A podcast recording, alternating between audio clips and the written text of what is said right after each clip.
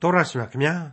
ခရိယန်တွေဟာကယ်တင်ရှင်သခင်ယေရှုခရစ်တော်ရဲ့အမည်နာမကိုတိုင်တယ်ပြီးတော့ထာဝရအရှင်မြတ်စွာဘုရားသခင်ထံတော်မြတ်မှာတောင်းစုတွေအမျိုးမျိုးပြုကြပါတယ်အများအဖြစ်တော့တောင်းစုပြုကြတာတွေဟာအတွင်းလူဖြစ်တဲ့ဝိညာဏအတွက်တောင်းစုပြုကြတာတွေနှဲပါပြီးတော့ပြင်ပအရာတွေဖြစ်ကြတဲ့ရုပ်ဝတ္ထုပစ္စည်းတွေအတွက်တောင်းကြတာကပိုပြီးတော့များပါတယ်ဆုတောင်းတိုင်းရောပြည့်ပါတဲ့လားဖះရှင်ကရော တောင်းတဲ့ဆုတိုင်းကိုပေးတဲ့ဆုတောင်းပြေဖះမျိုးလား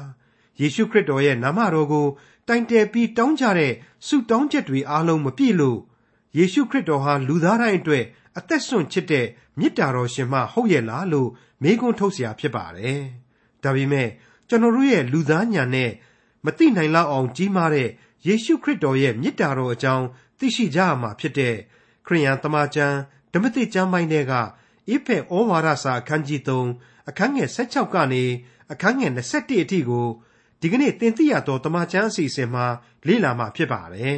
။ဖျားရှင်ဟာကျွန်တော်တို့တောင်းပန်ကြံစီသမျှထက်ထူးထူးခြားခြားပြုခြင်းကတတ်နိုင်တော်မူသောဖျားရှင်ဖြစ်တော်မူတဲ့ဆိုတာကိုလည်းနားလည်ကြရမှာဖြစ်တဲ့အေဖက်ဩဝါဒစာအခန်းကြီး3အခန်းငယ်16ကနေအခန်းငယ်21အထိကိုဒေါက်တာထွန်းမြတ်အေးကအခုလိုသုံးသပ်ရှင်းလင်းထားပါတယ်။ သင်သိရသောတမန်ကျန်သင်ခန်းစာတွေဟာအေဖက်ဩဝါဒစာအခန်းကြီး3အငယ်15အထိပြီးမြောက်အောင်မြင်ခဲ့ပါပြီ။ဘုရားသခင်၏နည်းနည်းသောအရာများကိုဖွင့်လှစ်ပေးနေသောအပိုင်းများကနေပြီးတော့အသင်းတော်ဆရာဟာဘယ်လိုအခြေခံသဘောတရားတွေနဲ့ပေါ်ထွန်းပေါ်ထွက်ခဲ့ရတယ်။ဘုရားသခင်သိစေခြင်းသောနည်းနည်းသောအရာဟုသည်အဘယ်နည်းစတဲ့ဖွင့်ဆိုခြင်းများအကြောင်းတွေကိုကျွန်တော်ကြားနာရခဲ့ပြီးတဲ့နောက်မှာရှင်ပေါလုရဲ့ဆုတောင်းချက်ဟာ အရေးကြီးသောအခန်းကဏ္ဍတစ်ခုအဖြစ်ထပ်မံပေါ်ထွက်လာခဲ့တယ်ဆိုတာကိုကျွန်တော်ပြီးခဲ့တဲ့သင်ခန်းစာမှာဖော်ပြခဲ့ပြီးပါပြီဒီကနေ့တမန်တော်ကြီးရှင်ပေါလုရဲ့ဆုတောင်းသံကိုအခုလိုဆက်လက်နားတော်တာဆင်ကြပါစို့အေဖက်ဩဝါဒစာအခန်းကြီး3အငယ်16မှ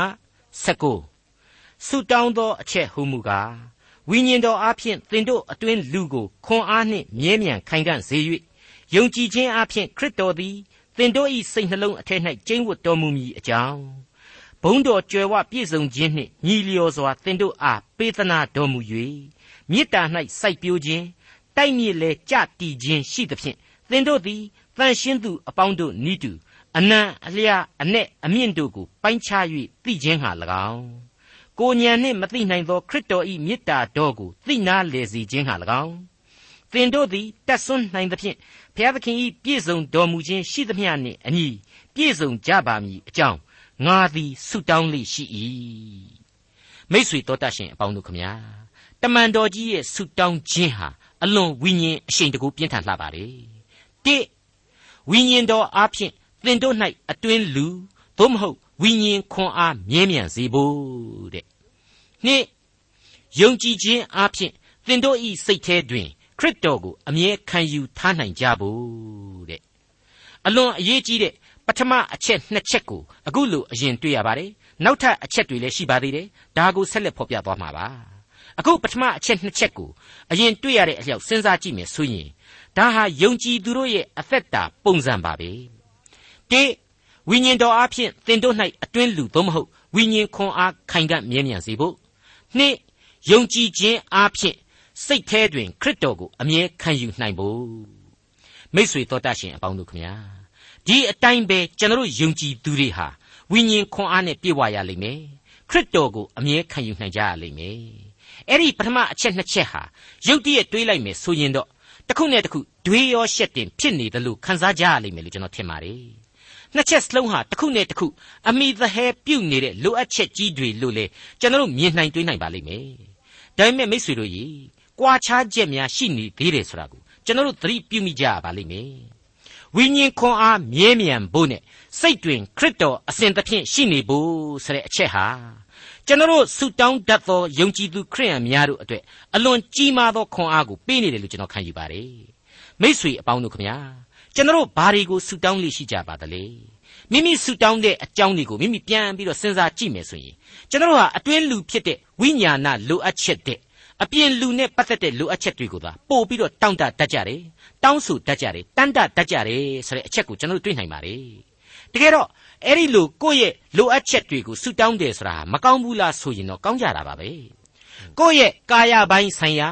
မိမိရဲ့စိတ်ပိုင်းဆိုင်ရာမိမိရဲ့ဘဝလိုအပ်ချက်တွေဆိုတာဟာလူသားတိုင်းမှာရှိနေကြတာပဲမဟုတ်ဘူးလားကိုကျမ်းမာဖို့စိတ်ချမ်းသာဖို့ကိုရေးကိုတာဘဝမှာရှင်လန်းချမ်းမြေ့စေဖို့ ကိုယ့်ရဲ့မိသားစုအတွင်းမှာတာယာဝပြောခြင်းရှိဖို့စသည်စသဖြင့်ဆုတောင်းကြရမှာဟာသဘာဝပါပဲတမန်တော်ကြီးရှင်ဘောလူကောဒီအတိုင်းပဲသူ့ကိုကြိုးအတွက်သူဆုမတောင်းခဲ့ဘူးလားဆိုရင်တောင်းခဲ့တာကိုကျွန်တော်တို့တွေ့နိုင်ပါတယ်သူဟာကိုယ့်ကိုခန္ဓာမှာဆူဆူနေပါတယ်နှုတ်လို့မရပါဘူးအယံဝေဒနာကိုခံစားရပါတယ်ဒီဝေဒနာကနေပျောက်ကင်းခွင့်ပြုတော်မူပါသခင်ဆိုပြီးတော့သုံးချိန်သုံးကဆုတောင်းခဲ့ဘူးပါတယ်ဖျားသခင်မကြဘူးလားဆိုတော့ကြားတယ် နားမညောင်းဘူးလားဆိုတော့နားညောင်းတယ်ဒါပေမဲ့သူ့ရဲ့အဲ့ဒီကာယဆိုင်ရာဆုကျေးဇူးကိုဘုရားသခင်အပြည့်အဝပေးသနာသလားဆိုရင်တော့မပေးမသနာခဲ့ပါဘူးဒါပေမဲ့ဘာပဲဖြစ်ဖြစ်ရှင်ပေါလုဟာအဲ့ဒီအာနေခြင်းနဲ့မပြည့်စုံခြင်းတွေကြားတဲ့ကပဲကျေးဇူးတော်ဟာသူ့အဖို့လုံလောက်ပါတယ်ဘုရားသခင်ပေးသနာတော်မူသောခွန်အားများဟာလေငါအဖို့ပြည့်စုံခြင်းရှိနေပါတယ်ဆိုတာကိုဖော်ကျူးပြသခဲ့ပါတယ်ဒါဟာအရေးကြီးမှတ်တမ်းတင်ရမယ့်အချက်ပါ အခုတမန်တော်ကြီးဟာအေးဖက်အသင်းတော်ကိုဩဝါဒပြုရင်းနဲ့ဆုတောင်းပေးလိုက်တာကတော့သင်တို့ဤအတွင်းလူ၌ခွန်အားမြဲမြံစေဖို့ရန်တဲ့အနှစ်ချုပ်ဟာတာပါပဲဟုတ်ပါတယ်တမန်တော်ကြီးဟာအပြင်လူဟူသည်ယိုယွင်းပျက်စီးတတ်သောသဘာဝရှိခြင်းဆိုတာကိုသိတယ် အနန္တကာလသာဝရအသက်တာအတွက်အဓိကလိုအပ်ချက်ဟာအတွင်းလူ၌သာခိုင်ခံ့မြဲမြံခြင်းရှိဖို့လိုအပ်ခြင်းဖြစ်တယ်ဆိုတာကိုသူဒီနေရာမှာရှင်းရှင်းကြီးသိနာလေထားတဲ့အလျောက်သိနာလေခြင်းနဲ့အညီအတွင်းလူ၌သာလျှင်ခွန်အားမြဲမြံဖို့ရန်ဆုတောင်းလိုက်ပါတယ်မိတ်ဆွေတော်တတ်ရှင်အပေါင်းတို့ခမညာတခါဆက်လက်ပြီးတော့ဖော်ပြတာကတော့ယုံကြည်ခြင်းအပြင်သင်တို့စိတ်တွင်ခရစ်တော်ကိုအမြဲခံယူစေရန်ဆုတောင်းလိုက်ခြင်းဖြစ်ပါတယ်တဲ့မိတ်ဆွေအပေါင်းတို့ခမညာ ဘုရားသခင်ရဲ့တန်ရှင်းသောဝိညာဉ်တော်ဟာဘုရားသခင်ထံမှသာဆင်းသက်ခြင်းဖြစ်တယ်ခရစ်တော်ကောင်းကင်ဘုံကိုပြန်လဲတက်ကြွတဲ့အချိန်မှလေတန်ရှင်းသောဝိညာဉ်တော်ကိုသူ၏ကိုယ်စားလူသားတို့အတွက်ခြံထားရစ်ခဲ့တယ်ဆရာတွေးကိုကျွန်တော်အားလုံးနားလည်ထားပြီးသားပါဒါဆိုရင်အဲ့ဒီဆုတောင်းတန်တဲ့ကပထမအချက်ဖြစ်ခဲ့တဲ့စောစောကကျွန်တော်ရှင်းပြခဲ့တဲ့အတွင်းလူ၌ဝိညာဉ်ခိုင်ကမြဲမြံရမယ်ဆိုတာကိုထပ်ပြီးတော့မလိုဘဲနဲ့အတွန့်တက်ပြီးတော့ဆုတောင်းခြင်းလားဆိုပြီးတော့မေးเสียရှိပါတယ်မဟုတ်ပါဘူး ခရစ်တော်ရဲ့အသက်တာမှာဖော်ပြခဲ့တဲ့အလွန်ကောင်းမွန်တဲ့အဆုံးအမတွေအတိုင်းပဲကိုဟာလိုက်လျှောက်ပြီးနေနိုင်ဖို့အတွက်အထူးဆုတောင်းပေးခြင်းဖြစ်ပါတယ်ဒီဆုတောင်းခြင်းဟာလိုအပ်လို့တောင်းလျှောက်ခြင်းပါအဲ့ဒါဟာနောက်ဆုံးတော့ရှင်ယောဟန်ခရစ်ဝင်ကျမ်းအခန်းကြီး15ထဲကအတိုင်းပဲငါ၌တည်နေကြလောငါသည်လည်းသင်တို့၌တည်နေမည်ဆိုတဲ့အချက်ကိုဖော်ပြလိုက်ခြင်းဖြစ်ပါတယ်တမန်တော်ကြီးရှင်ပေါလုကိုယ်တိုင်ဂလာတိဩဝါဒစာမှာဖော်ပြခဲ့တဲ့အချက်တစ်ခုရှိပါသေးတယ် ဒါဟာခရစ်တော်နှင့်အတူတည်ရှိခြင်းရဲ့လေးနက်သောအတိတ်ပဲကိုဖော်ပြနေပါလိမ့်မယ်ငါသည်ခရစ်တော်နှင့်အတူလက်ဝါးကပ်တိုင်မှာအသေးခံပြီသို့တော်လည်းအသက်ရှင်သေး၏ထို့သောဆိုသောငါသည်ကိုယ်တိုင်မရှင်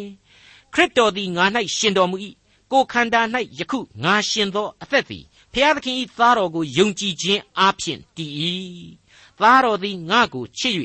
ငါအဖို့ကိုကိုကိုစွန့်တော်မူ၏တဲ့အဲ့ဒီလိုဖော်ပြထားခဲ့ပါတယ် မိษွေတော်တတ်ရှင်အပေါင်းတို့ခမညာပြီးခဲ့တဲ့အေဖက်သင်္ကန်းစာတွေဟာတလျှောက်လုံးမှာပြန်ပြီးကြည့်လိုက်ရင်ကယ်တင်ရှင်သခင်ခရစ်တော်ဒီဟုသောဥကောင်းအောက်မှာအသင်းတော်ဟာခန္ဓာတော်သာဖြစ်တယ်ခရစ်တော်၌မပြည့်အစင်တည်နေတယ်အမြင့်ဆွဲနေတယ်ဆိုတဲ့အချက်တွေးကိုကျွန်တော်တို့ကိုအထက်ထပ်သွန်သင်ပေးနေတယ်လို့ကျွန်တော်ခံယူပါတယ်အဲ့ဒီလိုခရစ်တော်၌တည်နေခြင်းဆိုတာဟာအေဖက်ဩဝါဒစာကနေအထူးပြုနေတယ်လို့ပဲကျွန်တော်ဆိုချင်ပါတယ်ခရစ်တော်၌တည်ရှိတည်နေခြင်း မယိမ့်မယိုင်တလုံးတဝတဲ့တည်နေခြင်းသည်ယုံကြည်သူတို့၏ဘဝဖြစ်တယ်ကို၌ခရစ်တော်လာရောက်တည်နေခြင်းသည်ထိုဘဝ၏မဟာကျေးဇူးတော်နှင့်မဟာအခွင့်အရေးပင်ဖြစ်တယ်လို့ကျွန်တော်ဆိုချင်ပါတယ်ဒီအကြောင်းတွေကိုလည်းတမန်တော်ကြီးရှင်ပေါလုကနေပြီးတော့ကောရိန္သုအသင်းတော်ကိုရေးသားပေးပို့ခဲ့တဲ့စာတစ်စောင်မှာကျွန်တော်အခုလိုပြန်လှန်လေ့လာနိုင်ပါသေးတယ်ဟုတ်ပါတယ်ကောရိန္သုဩဝါဒစာဒုတိယစာဆောင်အခန်းကြီး73အငယ်၄နဲ့5မှာအခုလိုကျွန်တော်ပြန်လည်တွေ့ရှိနိုင်ပါတယ်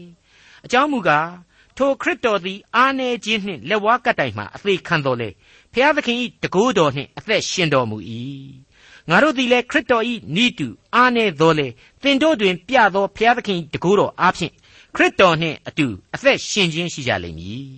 သင်တို့သည်ယုံကြည်ခြင်း၌တည်သလောမတည်လောဟုကိုကိုကိုစစ်ကြောကြလော့ကိုကိုကိုစုံစမ်းကြလော့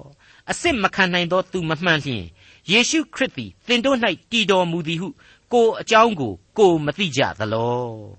မိษွေတော်တတ်ရှင်အပေါင်းတို့ခမညာကယ်တင်ရှင်သခင်ခရစ်တော်ရဲ့သက်တော်စဉ်မှာသူသွန်သင်ဆုံးမခဲ့တဲ့အချက်တွေကိုလေဇာတိပဂရိလူသားသာလျှင်ဖြစ်တဲ့ကျွန်တော်တို့လူသားတွေဟာအလွယ်တကူလိုက်နိုင်မယ်လို့တော့လေကျွန်တော်တို့မပြောရဲပါဘူးတစ်ချိန်တည်းမှာအဲ့ဒီလိုသူ့အဆုံးအမအတိုင်းလိုက်လာနိုင်ဖို့ကိုတော့ကျွန်တော်ကတိုက်တွန်းအားပေးနေရပါတယ် ဒါဟာသဘာဝကြနိုင်ပါမလားကြပါတယ်မဖြစ်နိုင်ဘူးလို့အရှင်းပြောလို့မရပါဘူးဘာဖြစ်လို့လဲဆိုတော့ခရစ်တော်ဟာလူလောကမှာလူဇာတိကိုတခဏမျှသာဆောင်ယူသွားခဲ့ပေမဲ့ဝိညာဉ်တော်အားဖြင့်သူဟာဘလောက်အထိရှင်သန်နိုင်စွမ်းရှိတယ်သူ့ကိုမတီးမိရင်ဘယ်လိုသွေးချောက်သွားရပြီးတဲ့နောက်သူ့ကိုတီးမိမယ်ဆိုရင်လေတီးမိသူရဲ့အသက်တာဟာဘယ်လိုရှင်သန်နိုင်တယ်ဆိုတာကိုအခုလိုဖော်ပြထားပါတယ် သူ၌အမိပြုတ်လိုက်ပြီးဆိုတာနဲ့ဇာတိသဘောအရာအာမရှိအင်မရှိအပြစ်ပဂရိနဲ့လူသားဟာအလိုလိုအသက်ဝင်လာရစမြဲတာဖြစ်တဲ့အကြောင်းဖော်ပြလိုက်ပါတယ်ရှင်ယောဟန်ခရစ်ဝင်ကျမ်းအခန်းကြီး15အငယ်1ကနေ9အတွင်းကိုဆက်ပြီးတော့နားဆင်ကြည့်ကြပါငါသည်မှန်သောစပြည့်နွယ်ပင်ဖြစ်၏ငါခမည်းတော်သည်လည်းဥယျင်ဆောင်ဖြစ်တော်မူ၏ငါ၌အသီးမသီးသောအခက်ရှိသမျှတို့ကိုခုတ်ပစ်တော်မူ၏အသီးသီးသောအခက်ရှိသမျှတို့ကို သာ၍သီးစေခြင်းဟာသုတ်သင်ရှင်းလင်းတော်မူ၏သင်တို့သည်ငါဟောပြောသောစကားအဖြစ်ယခုပင်ရှင်းလင်းလျက်ရှိကြ၏ငါ၌တည်နေကြလော့ငါသည်လည်းသင်တို့၌တည်နေမည်စပြစ်ခက်သည်အပင်၌မတည်လျင်ကိုယ်အလိုအလျောက်အသီးမသီးနိုင်တကယ်သို့သင်တို့သည်ငါ၌မတည်လျင်အသီးမသီးနိုင်ကြငါသည်စပြစ်နွယ်ပင်ဖြစ်၏သင်တို့သည်အခက်များဖြစ်ကြ၏အကျဉ်သူသည်ငါ၌တည်၍ငါသည်လည်းသူ၌တည်ထိုသူသည်များစွာသောအသီးကိုတည်တတ်၏ ငါနှင့်ကြွာလျင်သင်တို့သည်အဘယ်အမှုကိုမျှမတတ်နိုင်ကြငါ၌မတည်သောသူသည်သွေးချောက်သောအခက်ကဲ့သို့ပြင်သို့ပြစ်လိုက်ခြင်းကိုခံရ၏ထိုသို့သောအခက်များကိုလည်းလူတို့သည်စုသိမ့်၍မိတဲ့သို့ချလိုက်ကြသဖြင့်မိလောင်ခြင်းသို့ရောက်ကြ၏သင်တို့သည်ငါ၌တည်၍ငါစကားသည်သင်တို့၌တည်လျင်သင်တို့သည်တောင်းကျင်သမျှကိုတောင်း၍ရကြလိမ့်မည်မိษွေအပေါင်းတို့ခမညာခရစ်တော်၌တည်ခြင်းမတည်ခြင်းဟာအသက်တာအပေါ်မှာ ဘလောက်အထိအကျိုးရှိသလဲဘလောက်အထိအကျိုးရုပ်စေသလဲဒီအချက်တွေကိုဒီကျမ်းဟာရှင်းလင်းပြတ်သားစွာဖော်ပြလိုက်ပါတယ်ခရစ်တော်ကတော့လူသားအားလုံးကိုမပြည့်စည်စေခြင်းပါဘူးထာဝရအသက်လမ်းပေါ်မှာသီးပွင့်ဝေစာသောအသက်တာကိုရရှိစေခြင်းပါတယ်ဒါကြောင့်မို့လို့ငါသည်မှန်သောစပြစ်နွယ်ပင်ဖြစ်၏ငါ၌တည်နေကြလောတဲ့မိษွေတော်တတ်ရှင်အပေါင်းတို့စောစောပိုင်းကတင်ပဲကျွန်တော်ဟာအခုဖတ်ခဲ့တဲ့ကြံပိုင်းတဲကငါ၌တည်နေကြလော ငါသည်လည်းသင်တို့၌တည်နေမည်ဆိုတာကိုတကြိမ်ရှင်းလင်းပေးခဲ့ပါသေးတယ်ဒီတော့အခုရှင်းလင်းတာဟာဒုတိယအကြိမ်လို့ဆိုရအောင်မှာပေါ့ဒါပေမဲ့ပို့ပြီးတော့အရေးကြီးသွားတယ်လို့ကျွန်တော်ဒီနေရာမှာဆိုချင်ပါတယ်သူ၌မတည်သောလူဘဝနဲ့သူ၌တည်သောလူဘဝတို့ရဲ့ခြားနာဆန့်ကျင်မှုကိုရှင်းလင်းပြတ်သားစွာဖော်ပြထားလို့ပဲဖြစ်ပါတယ်မတူညီသောတရုပ်ခွဲများကိုဖော်ပြထားခြင်းကြောင့်ပဲဖြစ်ပါတယ်တခုမြောက်သောဆာလံမှာတော့ကဆိုရင်မိတ်ဆွေတို့မှတ်မိကြမယ်ထင်ပါတယ် အခုအတိုင်းပါပဲအပြည့်လမ်းပေါ်ကမတရားသောစာရမဏတ်ဘက်တော်သားလူနဲ့အသက်လမ်းပေါ်ကခရစ်တော်ဤနောက်မှာလိုက်လျှောက်သောမင်္ဂလာရှိသောလူတို့ရဲ့တရုပ်နှစ်ခုအကြောင်းကိုရှင်တွဲဖော်ပြခဲ့တာကိုတွေ့ရပါတယ်ဒီရှင်းလင်းဖွင့်ဆိုချက်တွေဟာရှင်ယောဟန်ခရစ်ဝင်ကျမ်းအခန်းကြီး15ကဖော်ပြချက်တွေအခုအေဖက်ရဲ့ဖော်ပြချက်တွေနဲ့ပို့ပြီးတော့ရှင်းလင်းတဲ့သရုပ်များအဖြစ်ပြည်ပြင်းစွာပေါ်ထွန်းလျက်ရှိနေပါတယ်အဲ့ဒီပထမမြောက်သောဆာလံမှာတုန်းကဆိုရင်အပြည့်လမ်းပေါ်မှာခ ရစ်တော်၌မတီးမိရသောလူဟာလေတက်၍လွင်သောဖွဲနှင့်တူတယ်အသက်လမ်းပေါ်ကခရစ်တော်၌တည်မိနေသူကတော့မြင့်နားမှာစိုက်လျက်မိမိအချိန်တန်မှအသီးကိုတီး၍အရွက်မညှိုးနွမ်းတတ်သောအပင်နှင့်တူ၏ဆိုတဲ့ခြားနာချက်ကြီးကိုကျွန်တော်ဘယ်လို့မှမေ့ထားလို့မရနိုင်ပါဘူးမိษွေတော်တတ်ရှင်အပေါင်းတို့ခမညာတမန်တော်ကြီးရဲ့ဆူတောင်းခြင်းအသံတွေတဲကပထမအချက်နှစ်ခုကိုကျွန်တော်ရှင်းလင်းဖော်ပြခဲ့ပြီးပါပြီအဲ့ဒီအချက်နှစ်ခုအရာ အတွင်းလူသို့မဟုတ်ဝိညာဉ်လူသားခိုင်မာတောင့်တင်းသန်ဆွမ်းဖို့နဲ့ခရစ်တော်၌တည်နေဖို့ဆိုတာတွေဟာဘယ်လိုနည်းနဲ့သာရရှိနိုင်တယ်လဲဆိုတာတွေကိုဆက်ပြီးတော့ကျွန်တော်တို့စဉ်းစားဖို့လိုအပ်နေပါတယ်အဲ့ဒါကတော့ဘုံတော်ကြွယ်ဝပြည့်စုံခြင်းနှင့်ညီလျော်စွာဒီစုတွေကိုပေးပါစေဆိုတဲ့ရှင်ပေါလုဖော်ပြလိုက်တဲ့အချက်အားဖြင့်ဘုရားသခင်ရဲ့ဘုံတကိုးတော်အားဖြင့်သာလျှင်ဒီစုကျေးဇူးတွေဟာဖြစ်တည်လာရတယ်ဆိုတာကိုတွေ့ရခြင်းပဲအင်္ဂလိပ်လိုကတော့ according to the riches of his glory ဆိုပြီးတော့ဖော်ပြထားပါတယ်ဒါဟာအသေးချာစဉ်းစားရမယ့်အချက်တစ်ခုဖြစ်ပါတယ်ကို့မှာပိုက်ဆံတီတောက်တောက်လဲရှိနေတာနဲ့ပဲနေရာတကာမှာလူတကာကိုပိုက်ဆံလိုက်ပေးတာနဲ့မတူနိုင်ပါဘူးဝေမျှတဲ့သဘောမျိုးအရှင်းမဟုတ်ပါဘူးအလိုလိုတည်ရှိနေသောဘုရားသခင်၏ဘုံတကိုးတော်မှ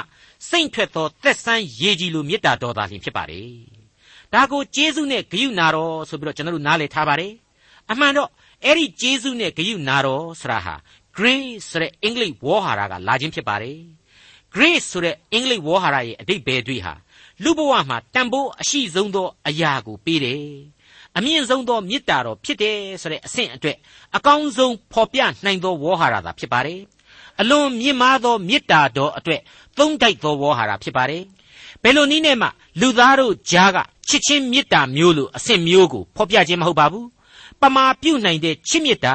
ဘောင်တစ်ခုအဖြစ်သတ်မှတ်ထားနိုင်တဲ့မေတ္တာမျိုးမဟုတ်ဘူး။ဒါကြောင့်မလို့ grace လို့သုံးတိုက်တယ်။ကျေးဇူးနဲ့ဂရုနာတော်တက်သက်ဖြစ်တယ်လို့ကျွန်တော်တင်ပြလိုက်ပါရစေ။ကောင်းပြီ။အတွင်းလူသို့မဟုတ်ဝိညာဏခွန်အားတောင့်တင်းခိုင်မာဖို့ရဲ့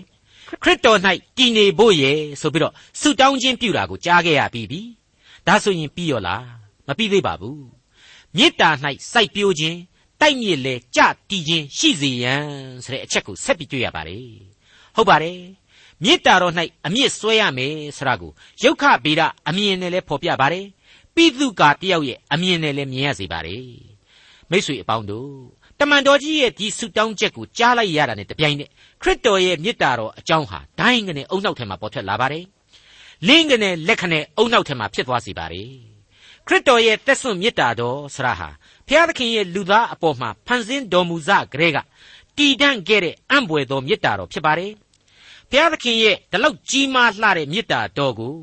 ယုံကြည်သူတွေအချင်းချင်းတဲမှာတောင်မှတန်ရှင်းသူသို့မဟုတ် saints လို့ခေါ်တဲ့လူသားတွေမှာရှိကိုရှိရမယ်ဘုရားသခင်မေတ္တာအမွေအဖြစ်ဘုရားသခင်ဟာဆက်ခံစေခြင်းတယ်လို့ကျွန်တော်ဆိုချင်ပါတယ်အတိုင်းအဆနဲ့ဖော်ပြဖို့မစွန်းသာတဲ့မေတ္တာတော်ဖြစ်ပါတယ်ဒါကြောင့်မို့လို့ဒီလိုမေတ္တာ၌တည်နေသောသူတို့ဟာတော့မေတ္တာတော်ရဲ့အနံအလျားအ내အမြင့်တို့ကို ပိုင်းခြားနားလေလာရလိမ့်မယ်လို့လေရှင်ပေါလုကဆိုလိုက်ခြင်းဖြစ်ပါတယ်။ဒါကိုလူသားအနေနဲ့အတတ်နိုင်ဆုံးဉာဏ်မီအောင်စဉ်းစားမယ်ဆိုရင်တော့တိဘလောက်အထိဒီမေတ္တာတော်ဟာကျယ်ဝန်းတယ်လေ။ဒါကိုအရင်စဉ်းစားနိုင်ပါတယ်။ရှင်ယောဟန်ခရစ်ဝင်ကျမ်းအခန်းကြီး30အငယ်6မှာဖတ်ပြီးတော့ကြည့်လိုက်မယ်ဆိုရင်ငါသည်တကားဝဖြစ်၏ငါဖြင့်ဝင်သောသူသည်ဘေးနှင့်ကင်းလွတ်လျက်ထွက်ဝင်၍ကျက်စားရာကိုတွေ့ရလိမ့်မည်ဆိုပြီးတွေ့ရပါတယ်ဒီတော့ ဘုရားသခင်ရဲ့ဒီမေတ္တာတော်ရဲ့သဘောဟာအသက်တာကိုသာယာဝပြောစေလောက်အောင်ကျယ်ဝန်းတဲ့မေတ္တာအစဉ်တစိုက်ပြုစုသောမေတ္တာတော်လို့ကျွန်တော်တို့မြင်နိုင်ပါတယ်နှစ်မေတ္တာတော်ရဲ့အလျားဟာဘလောက်ရှည်သလဲဆိုတာကိုဆက်ပြီးတော့စဉ်းစားနိုင်ပါတယ်ရှင်ယောဟန်ခရစ်ဝင်ကျမ်းအခန်းကြီး6အငယ်35မှာကြည့်ရင်ငါသည်အသက်မုံဖြစ်၏ငါထံသို့လာသောသူသည် နောက်တဖန်အစာအမွတ်မခံရငါကိုယုံကြည်သောသူသည် နောက်တဖန်ရေငတ်မခံရလို့ဖော်ပြထားပါတယ်ဒီတော့ဒီမေတ္တာတော်ဟာသူ့ရဲ့အသေးခံတော်မူခြင်းအပြင်အနန္တကာလအထိအစဉ်တစိုက်ရှည်လျားစွာကျေးဇူးကြီးမားလျက်တည်နေတယ်လို့ဆိုနိုင်ပါလိမ့်မယ်၃ဒီမေတ္တာတော်ဘလောက်နဲ့တလဲဒါကိုလည်းအဖြေထုတ်နိုင်ပါသေးတယ်ဖိလိပ္ပိဩဝါဒစာအခန်းကြီး2အငယ်8နဲ့ကျွန်တော်တင်ပြရမယ်ဆိုရင်တော့ထို့သောလူဤဂုံအင်္ဂါလက္ခဏာနှင့်ပြည့်စုံလျက်အသေးခံခြင်းသာမဟုတ် လက်ဝါးကတိုင်မှအသေးခံခြင်းတိုင်အောင်အစေကျွန်ခံ၍ကိုကိုကိုနှိမ့်ချတော်မူ၏ဆိုပြီးတော့တွေ့ရတဲ့အတွက်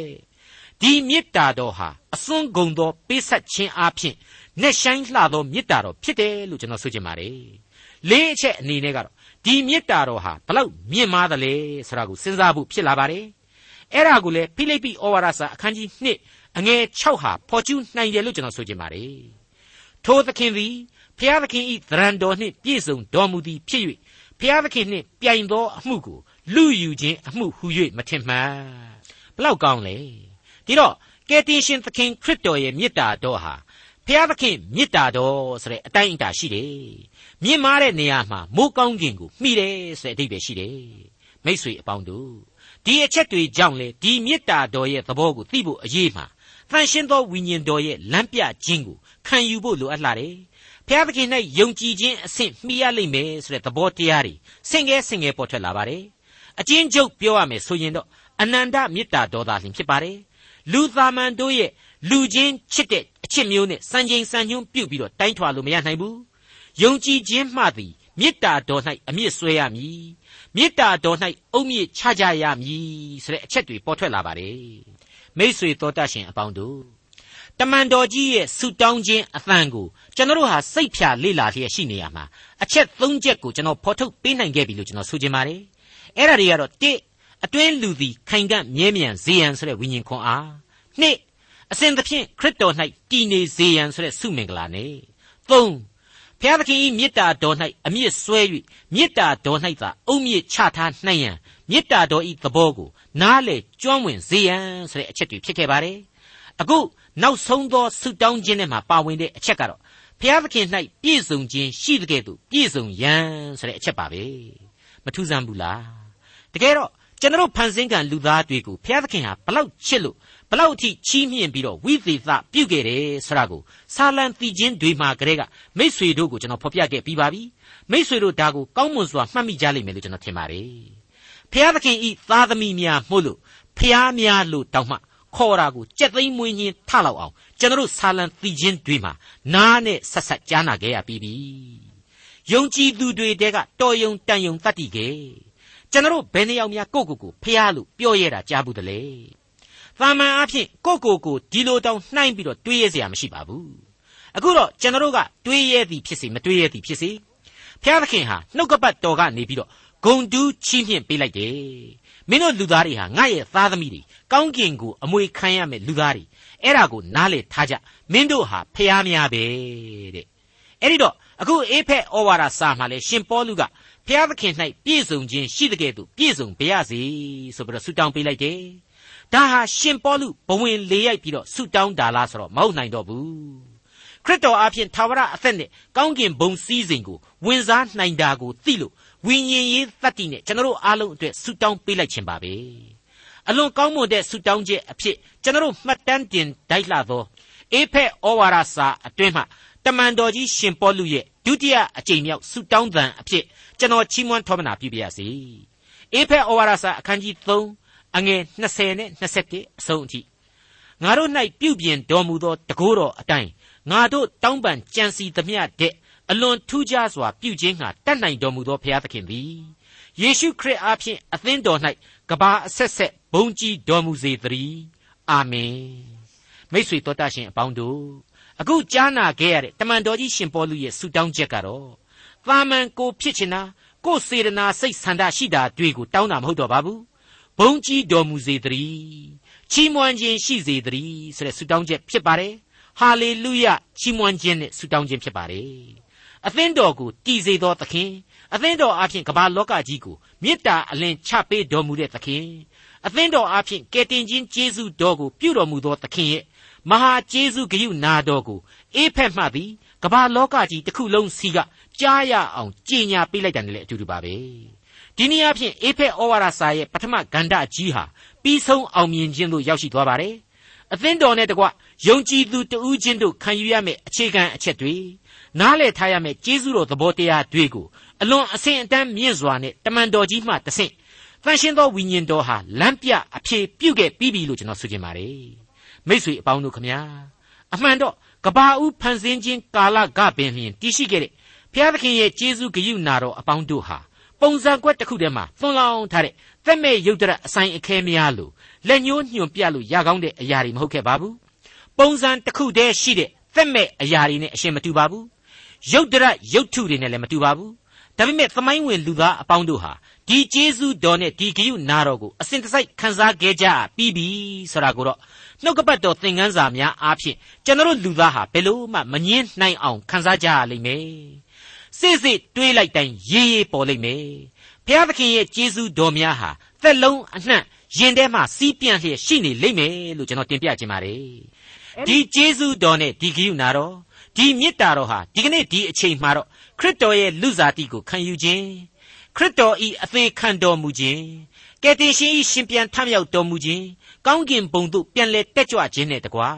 ဖန်ရှင်းသောဝိညာဉ်တော်ကိုကျွန်တော်အတွက်ချထားပေးခဲ့ခြင်းဆိုတဲ့အချက်တွေအားဖြင့်ကျွန်တော်အဖို့ပုံမခံယူနိုင်လောက်အောင်ကြည်လင်ပြတ်သားစွာတည်ရှိလျက်ရှိနေတယ်လို့ကျွန်တော်ခံယူပါတယ်။ဒါကြောင့်မလို့ကျွန်တော်နဲ့အတူမိษွေတို့ဟာဒီအချိန်ကာလအတွက်ကျေးဇူးတင်ကြရမှာဖြစ်တယ်လို့ အဆက်ဆက်သောအတိတ်သမိုင်းကာလအချိန်တစ်လျှောက်လုံးအတွက်လေကျေးဇူးတင်ကြရလိမ့်မယ်။ရှင်သန်ခွင့်အစဉ်ပေးထားတဲ့လူဖြစ်ရခြင်းကြောင့်အနာဂတ်အတွက်လည်းကျေးဇူးတော်မှတပါအခြားဘာကိုမျှတောင့်တမျှော်လင့်စရာမရှိတဲ့အကြောင်းလေးစားစွာတင်ပြအပ်ပါတယ်ဝိညာဉ်တော်အားဖြင့်သင်တို့၏အတွင်းလူကိုခွန်အားနှင့်မြဲမြံခိုင်ခံ့စေ၍ယုံကြည်ခြင်းအပြင်ခရစ်တော်သည်သင်တို့၏စိတ်နှလုံးအထဲ၌ကျိန်းဝတ်တော်မူမည်အကြောင်း ဘုံတော်ကြွယ်ဝပြည့်စုံခြင်းနှင့်ညီလျော်စွာသင်တို့အားပေးသနာတော်မူ၍